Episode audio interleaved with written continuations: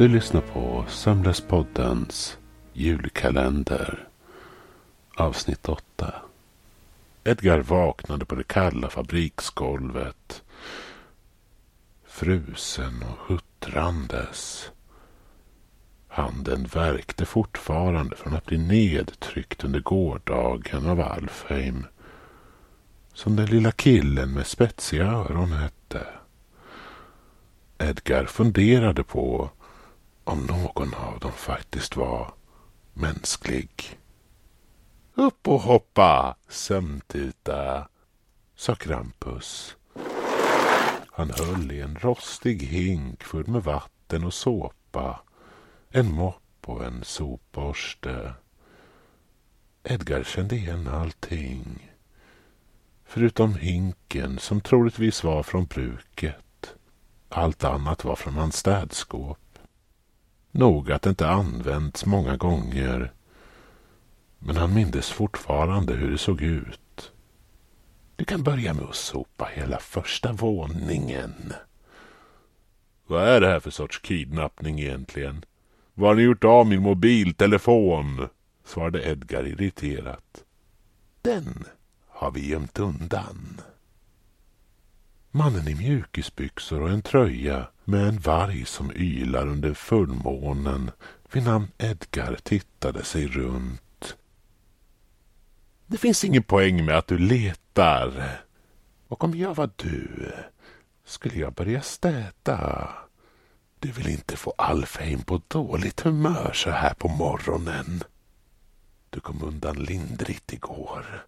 Nästa gång så bryter han av armen på dig. I en hastig takt började Edgar att sopa golvet. Borsten fastnade på en av de klibbiga bruna pölarna och genast fick han panik. Vilket roade Krampus och även Alfheim då det var första gången någonsin en annan individ faktiskt varit rädd för honom. Våra planer har bara börjat, Alfheim.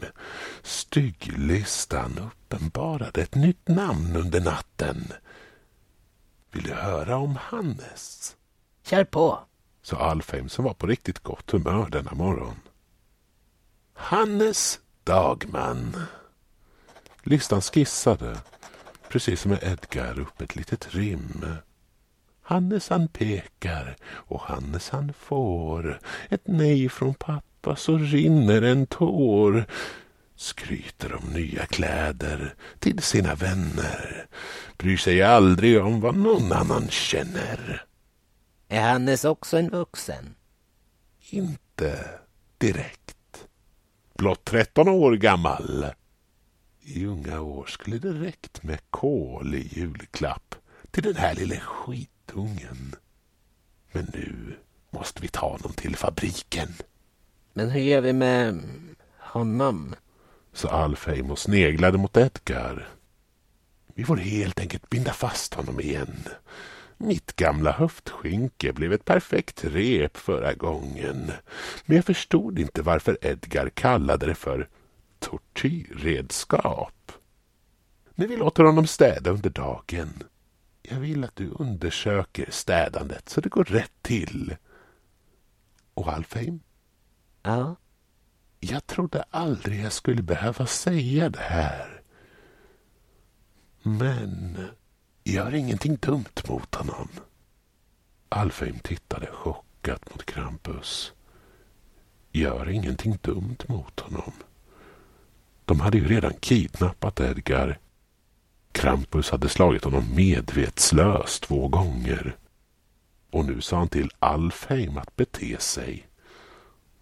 Jag kan inte lova någonting. sa Alfheim. Krampus tittade på nissen. Fundersamt och nästan besviket. Vi får ge oss ut i natten denna gång. Med Edgar så gick det kanske inte perfekt. Men jag hade inte riktigt blivit varm i kläderna än. Under dagen så skrubbade Edgar golvet medan han suckade och stönade. Ah, men... Mm. han jobbade ändå på. Till eftermiddagen var hela fabriksgolvet bent. Alfheim vandrade runt för att inspektera det med ett vakande öga. Golvet ska vara så rent att man kan äta från det. Sa Alfheim strängt till Edgar.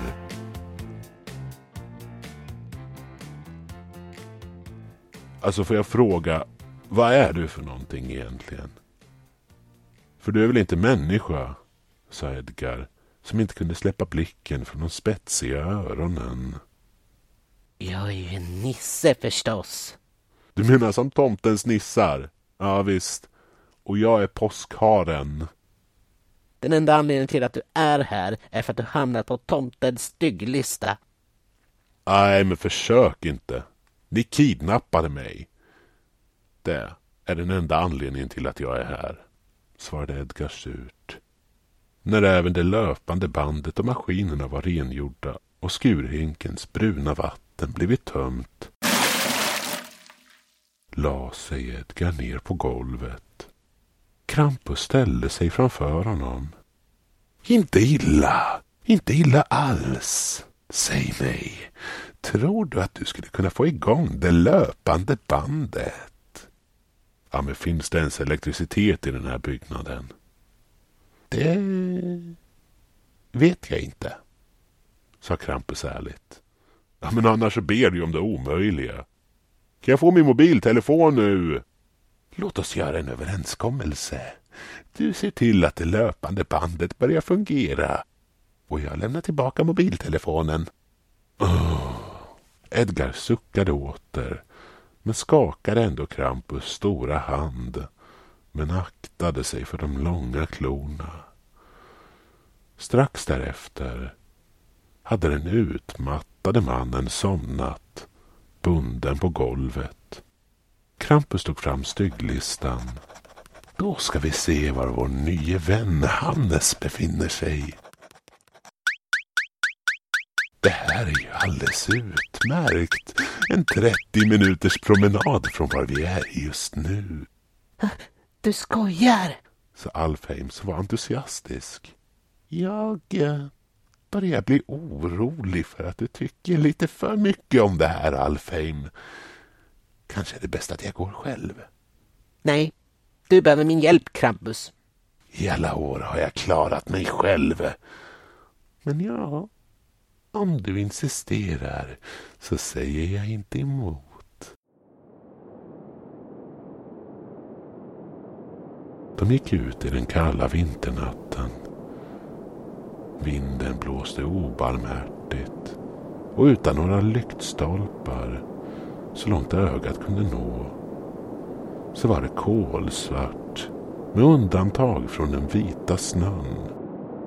På brukets parkering var en snögubbe med halsduk och hög hatt nu belägen. Har du sett några barn här omkring? Frågade Alfheim medan de gick fram till snögubben. Nej, bara vi. Men jag gillar inte uppsynen av den där snögubben. Dess ögon och mun var gjorda av stenar. Moroten till näsa var krokig. Och de långa grenarna som utgjorde armar höjdes upp i skyn. Egentligen skulle jag bara vilja riva ner den. Men det är någonting som säger mig att vi inte ska röra den sa Krampus och tittade ogillandes mot snögubben.